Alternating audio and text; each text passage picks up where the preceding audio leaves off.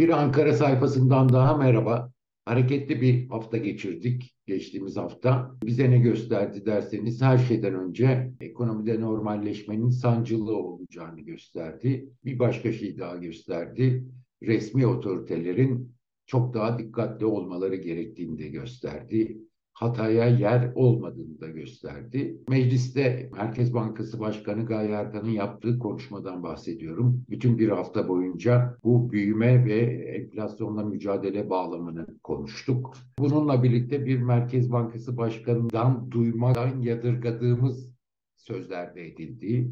İşte masamda yatırımlar duruyor, uygun zamanı bekliyorum gibi. 128 milyar dolarlık döviz rezervinin satışını savunmak gibi bu tür şeyler de oldu. Rezervlerden satışlar da aynı biçimde. Bununla birlikte bir başka şey daha yaptılar. Reskont ihracat reskont kredilerini politika faizine bağladılar. Yani bir anlamda konuşmada yaptıkları büyüme sözünü yerine getireceklerini bir şekilde ortaya koymuş oldular. Bu niye oluyor derseniz bir siyasi baskının etkisi olduğunu düşünüyorum açıkçası. Ama bununla birlikte diğer konuşmalara baktığımda da siyasileşen bir Merkez Bankası yönetimi gördüğümü de söylemeliyim. Hangisi daha kötü, hangisi daha sakıncalı onu anlatmaya çalışacağım. Ve eskont kredilerinde politika faizine bağlamak bir anlamda ne demek oluyor? Cumhurbaşkanına da bir mesaj veriyor. Yani biz faiz artışlarını devam ediyoruz ama ucuz kredi vereceğiz demek oluyor. Yani benim tahminim 5 puanlık daha Ekim'de politika faiz artışının 35'e çıkışını kesinleştirmiş gibi görünüyor ama bir başka kısıtlayıcı yönü de var. Bundan sonra ihracatçılar çıkıp da benim politika faizini Merkez Bankası arttırmasın çünkü benim kredi faizim de artıyor diyebilirler. Bir baskı unsuru olabilir. Bunun yanında Mehmet Şimşek'in çabalarını gördük. Londra'daki temaslarını gördük. Belki etkisini gördü. JP Morgan'dan bir açıklama geldi. Türk lirası ucuz hadi girin demek anlamında bir şeyler söylendi. Bunun da etkisini gördük ama Mehmet Şimşek IMF'e de gidecek. Orada da yine konuşacak. Gaye Erkan da gidecek. Yardımcıları da gidecek. Oradaki toplantılarda yine yatırımcılarla konuşacaklar. Bu telaş ne? Niye dersek e, bir telaş olduğu kesin. İstenen fon girişi sağlanamadı. Ekim ayı cari açık açısından en kolay mevsimsel olarak aylardan biri ama ondan sonraki Kasım'dan itibaren 4-5 aylık bir cari açık açısından kötü bir döneme giriyoruz. O zamana barut biriktirmek istiyorlar. Çünkü rezervlerdeki durum o kadar parlak değil. Bir önceki hafta 3 milyar dolar civarında erime olmuştu. Geçen hafta da Perşembe günü itibariyle 500 milyon dolarlık bir erime daha kaydedildi. Hem brüt hem net rezervlerde. Bunu da söylemek lazım. Merkez Bankası Başkanı'nın konuşmasına gelince büyümeden ödün vermeden de dezenflasyon sağlanır sözü. Bu başlıklara çıkınca bayağı bir ortalık karıştı. Bir Merkez Bankası nasıl söyler diye. Sonra Merkez Bankası bunu düzeltmek için tutanakları verdi. Eşik değerlere gelinene kadar kısmını atlamışlar. O yüzden bu anlam çıktı dediler. Ve bu bu konuda bir iletişime girdiler açıkçası. Bu arada çok sayıda iktisatçıyla, merkez bankacıyla konuştum. Mevcut Merkez Bankası yönetimiyle de konuştum. Edindiğim izlenimi söyleyeyim size. Bir kere diyorlar ki biz bunu demek istemedik. Eşit değerlere gelinene kadar büyümeden de taviz verilmesi mümkün olmaz, gerekmez biçiminde söyledik. Ama bunu söylerken de asıl eşit değerlerden tek haneye inerken asıl enflasyonla mücadelenin zor olacağını da hatırlatmış olduk diyorlar. Halbuki algı öyle değil gördüğümüz kadarıyla. Bu arada şöyle bir havaları da var. Ben izlenim olarak söylüyorum, duyduğum şeyler değil. Yani yeterince kendilerine destek verilmediğini söylüyorlar. AKP içinden de köstek olduğu izlenimini edindim. Muhalefet partilerinden de tamam bunlar iyi adamlar ama başarılı olmasınlar diye bir köstek var diye konuşuyorlar. Böyle bir hava içindeler ama kendilerine de söylediğim gibi şimdiye kadar neredeyse Kemal Derviş'e bile verilmeyen destek verilmiş durumda. Özellikle iktisatçılar, piyasa analistleri, uzmanlar tarafından böyle bir şey var. Hatta muhalefet tarafından da de köstekleyici bir durum yok. Bunun kıymetini bilmeleri gerektiğini de söyledim. İç talep çok canlı, bir köpük var. Bu gidene kadar e, çok fazla büyümeden taviz vermeye ihtiyaç yok. Halbuki bunun olması için bile köpüğün, köpük ne derseniz onu çok fazla söyleyemiyorlar. Haklılar da linkler bozulmuş durumda, modeller işlemiyor. Bunun için bir rakam vermek şu anda mümkün değil. E, yaşayıp göreceğiz diyorlar köpüğün nerede gideceğini. İzlenimim yüzde 40 ile 50 arasında köpük gittikten sonraki kor enflasyon kalacağı e, şeyi var, tahminleri var. Bir rakam vermiyorlar kendileri. Ama benim izlenimim o. İş talep çok canlı ama iş talebi e, kısmak için de büyümeden bir taviz vermek gerekiyor. Bu arada e, e, eski merkez bankacılarında dediği bir şey var. Tamam biz 2001'den sonra sıkı para politikası genişlemeci fonksiyon üstlenir diye söyledik. Böyle bir rol vardı ama ekonomi büyümüyordu. Ekonomi durgundu. Durgun ekonomide paranın önünü görmesini sağladığı için piyasaların genişleyici rol oynayabilir dedik ama durum şimdi aynı değil diyorlar. Bunu da e, söylemem lazım. Mede, neden büyüme lafı edildi peki? Yani e, baktığınız zaman işte e, sürdürülebilir büyüme için tek haneli enflasyona inmek lazım. Asıl sağlıklı büyüme o zaman olur diye laf ediyorsunuz zaten. Zaten büyümeyle bağlantısını böyle kuruyorsunuz ama neden ihtiyaç duyulda da büyümeden de taviz vermeden bu iş yapılabilir e, diye konuştu. Bu işte orada sanıyorum AKP içindeki muhalefetten bir sakıncaları var ve AKP'li milletvekilleri kanalıyla Cumhurbaşkanı'na asıl olarak mesaj vermek istiyorlar. Yani biz büyümeyi fazla daraltmayacağız, faiz arttırmaya devam ediyoruz ama bu büyümeyi etkilemeyecek demeye çalışıyorlar. Benim gördüğüm kadarıyla bu. Şimdi bu tabii ki bir siyasi baskı. Yani Merkez Bankası yönetiminin üstünde siyasi bir el var. Faizle ilgili bir takıntının gölgesi düşmüş durumda. O yüzden de rahat hareket edemiyorlar. Bu tabii ki yapılacak işler konusunda güveni zorlaştıran bir şey. Ama bir yandan da Gaye Erkan'ın konuşmalarına bakacak olursak, sorulara verdiği yanıtlara bakacak olursak, bir yandan da sanki siyasileşmiş bir Merkez Bankası yönetimi de var. Bence ikisi birden var gördüğüm kadarıyla. Aksi halde bir Merkez Bankası Başkanı büyüme lafını bu lafın arasına katmak istemez. Artı işte önümde masamda yatırım talepleri var. Ben bunun için uygun zamanı bekliyorum. Bizim için uygun olacak zamanı bekliyorum filan gibi pazarlamacı role üstlenip Böyle bir şey yapmaz Merkez Bankası Başkanı. Yani bu siyasi şey gösteriyor. 128 milyar doları savunurken kullandığı dilde, rezerv satışlarından dövize müdahale konusundaki sorulara verdiği yanıtlar da benim gördüğüm kadarıyla aynı zamanda bir siyasi kimliğe bürünen bir Merkez Bankası Başkanı görüyorum. Bu doğru değil. Yani Merkez bankacılığının bir şey daha gördük tabii geçen hafta. Merkez bankacılığının ne kadar zor bir iş olduğunu gördük. Yani gerekli kararları alabilirsiniz ama bir duruş ve bir tavır sergilemeniz lazım. Güven verebilmek için bunu yapmak lazım. Niye güven vermek gerekiyor? Niye siyasi bir havası olmaması gerekiyor Merkez Bankası'nın? Daha önceden de hep bu gerekir. Ama şu anda yaşadığımız konjonktürün de bir özelliği var. Ne yabancı ne yerli yatırımcılar, ekonomiyle ilgili konuşanlar, edenler, düşünenler şu anda siyasi otoriteye güvenmiyor. Yani siyasi otoritenin asıl ideolojik de olan görüşlerini, ekonomideki ideolojik görüşlerinin değiştiğine inanmıyor. Piyasanın gördüğü yerli ve yabancıların şu, bunu yapmak zorunda kaldı siyasi otorite. Bu aynı zamanda büyük bir riski de birlikte getiriyor. Niye güven sağlanamıyor, fon akışı sağlanamıyor? Çünkü tek kişinin verdiği kararlara bağlı bir şey var ve bu tek kişinin verdiği kararlar her an değişebilir korkusu var.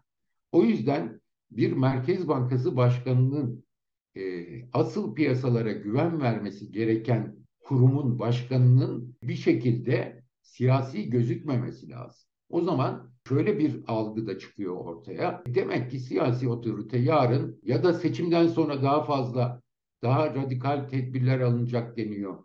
Ya değişirse ya siyasi otorite artık faiz indiriyoruz derse demek ki bu Merkez Bankası siyasi bir kişi ise buna uyacak. Aynen Şahap Kavcıoğlu'nun yaptığı gibi yapacak yani. Naci Abal'ın yaptığını yapmayacak. Anlatabiliyor muyum? Bu yüzden güven veremezsiniz ve adım attığınız rasyonel adımlar atıyorsunuz ama bu adımların algısını zayıflatırsınız. Siyasi bir kimlik gösterirseniz bu aynı zamanda büyük bir risk tabii. Yani seçimden sonrası içinde herkes oraya bakıyor ama orada bile bir risk. İhracat ve eskont kredilerine geleyim. İhracat reskont kredilerinde politika faizi kadar uygulayacağız dediler. Buradan da yola çıkarak satçıların da kanısı demek ki geçici kredilere geri dönüldü. Hep söylüyorduk biz bunu. Seçim öncesi olacak diyorduk. Ekim'de beklemiyorduk. Kasım'da bekliyorduk seçici kredileri. Ama erken başladı. Ama erken başladı ama fiilen yürürlüğe ne zaman girecek? Tabii ki onu da düşünmek lazım. Yani belki de hacim yükselttik, limit yükselttik diyorlar. Ama Kasım'a kadar belki bunu oyalayacaklar. Kasım'da asıl vermeye başlayacaklar. Yatırım için Merkez Bankası'nın vereceği yatak kredileri de aynı biçimde. Belki yakında onu da göreceğiz.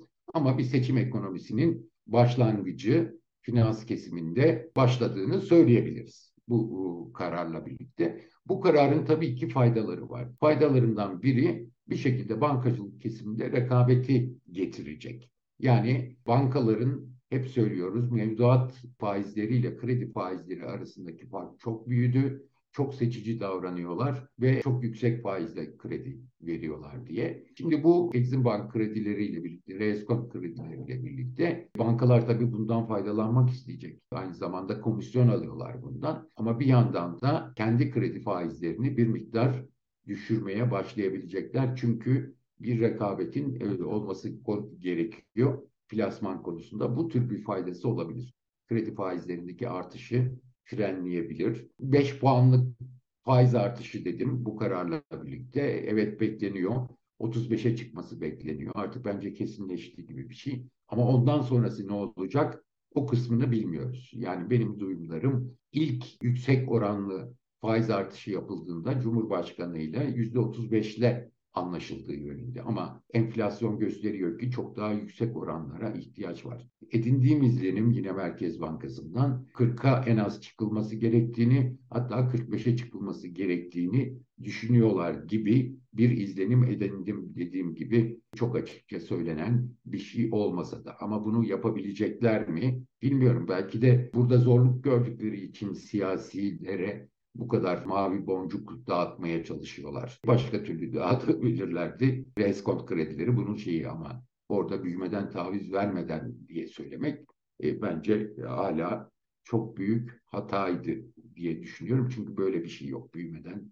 Ödünleşme her zaman var büyümeyle enflasyon arasında ki iç talep e, köpük diyorsunuz. İç talebin alınması için de var e, böyle bir şey de. Oraya tekrar dönmeyelim. Ama bu reskont kredilerini politika faizine bağlamanın bir bağlayıcı yönü de var. Sıkıntılı yönü de var. O da şu. Şimdi yüzde otuz beşe çıkacaklar. İhracatçılara yüzde otuz beşten kredi verecekler diyelim. Önümüzdeki dönem yüzde kırka çıkarmak istediklerinde ihracatçılar bu sefer diyecekler ki ya politika faizini arttırırsanız benim kredi faizimin oranı da büyüyecek.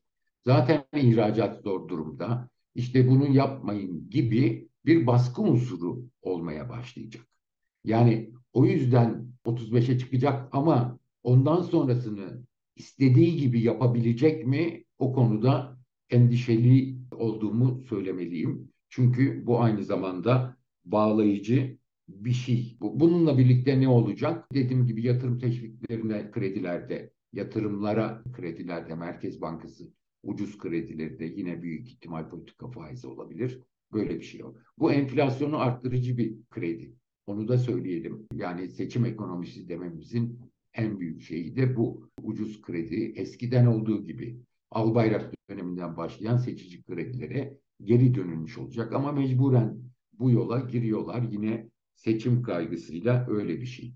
Ama daha önceden de söylemiştik seçim yaklaştıkça kamu bankalarını da devreye sokma ihtimalleri Merkez Bankası'nın yanı sıra var. Çünkü kobiler ve esnaflara en azından bir can suyu vermeleri gerekebilir. Seçim öncesinde memnun etmek isteyebilirler. Artı olarak da yine seçimlere girerken dedikleri gibi büyüme oranlarının fazla daralmasını, o görünümün, piyasada sıkıntı görünümünün verilmesini engellemeye çalışacaklar. Çünkü en büyük şeylerden biri işsizliğin artması ve işsizliğin en azından mevcut oranlarda korunması için Mart sonuna kadar önümüzdeki ay bence büyük ihtimal başlayacak. Esnaf ve kobilere de ucuz krediler verilmesi başlanacak. Yani seçim ekonomimiz hayırlı olsun. JP Morgan geçtiğimiz hafta bir şey yayınladı.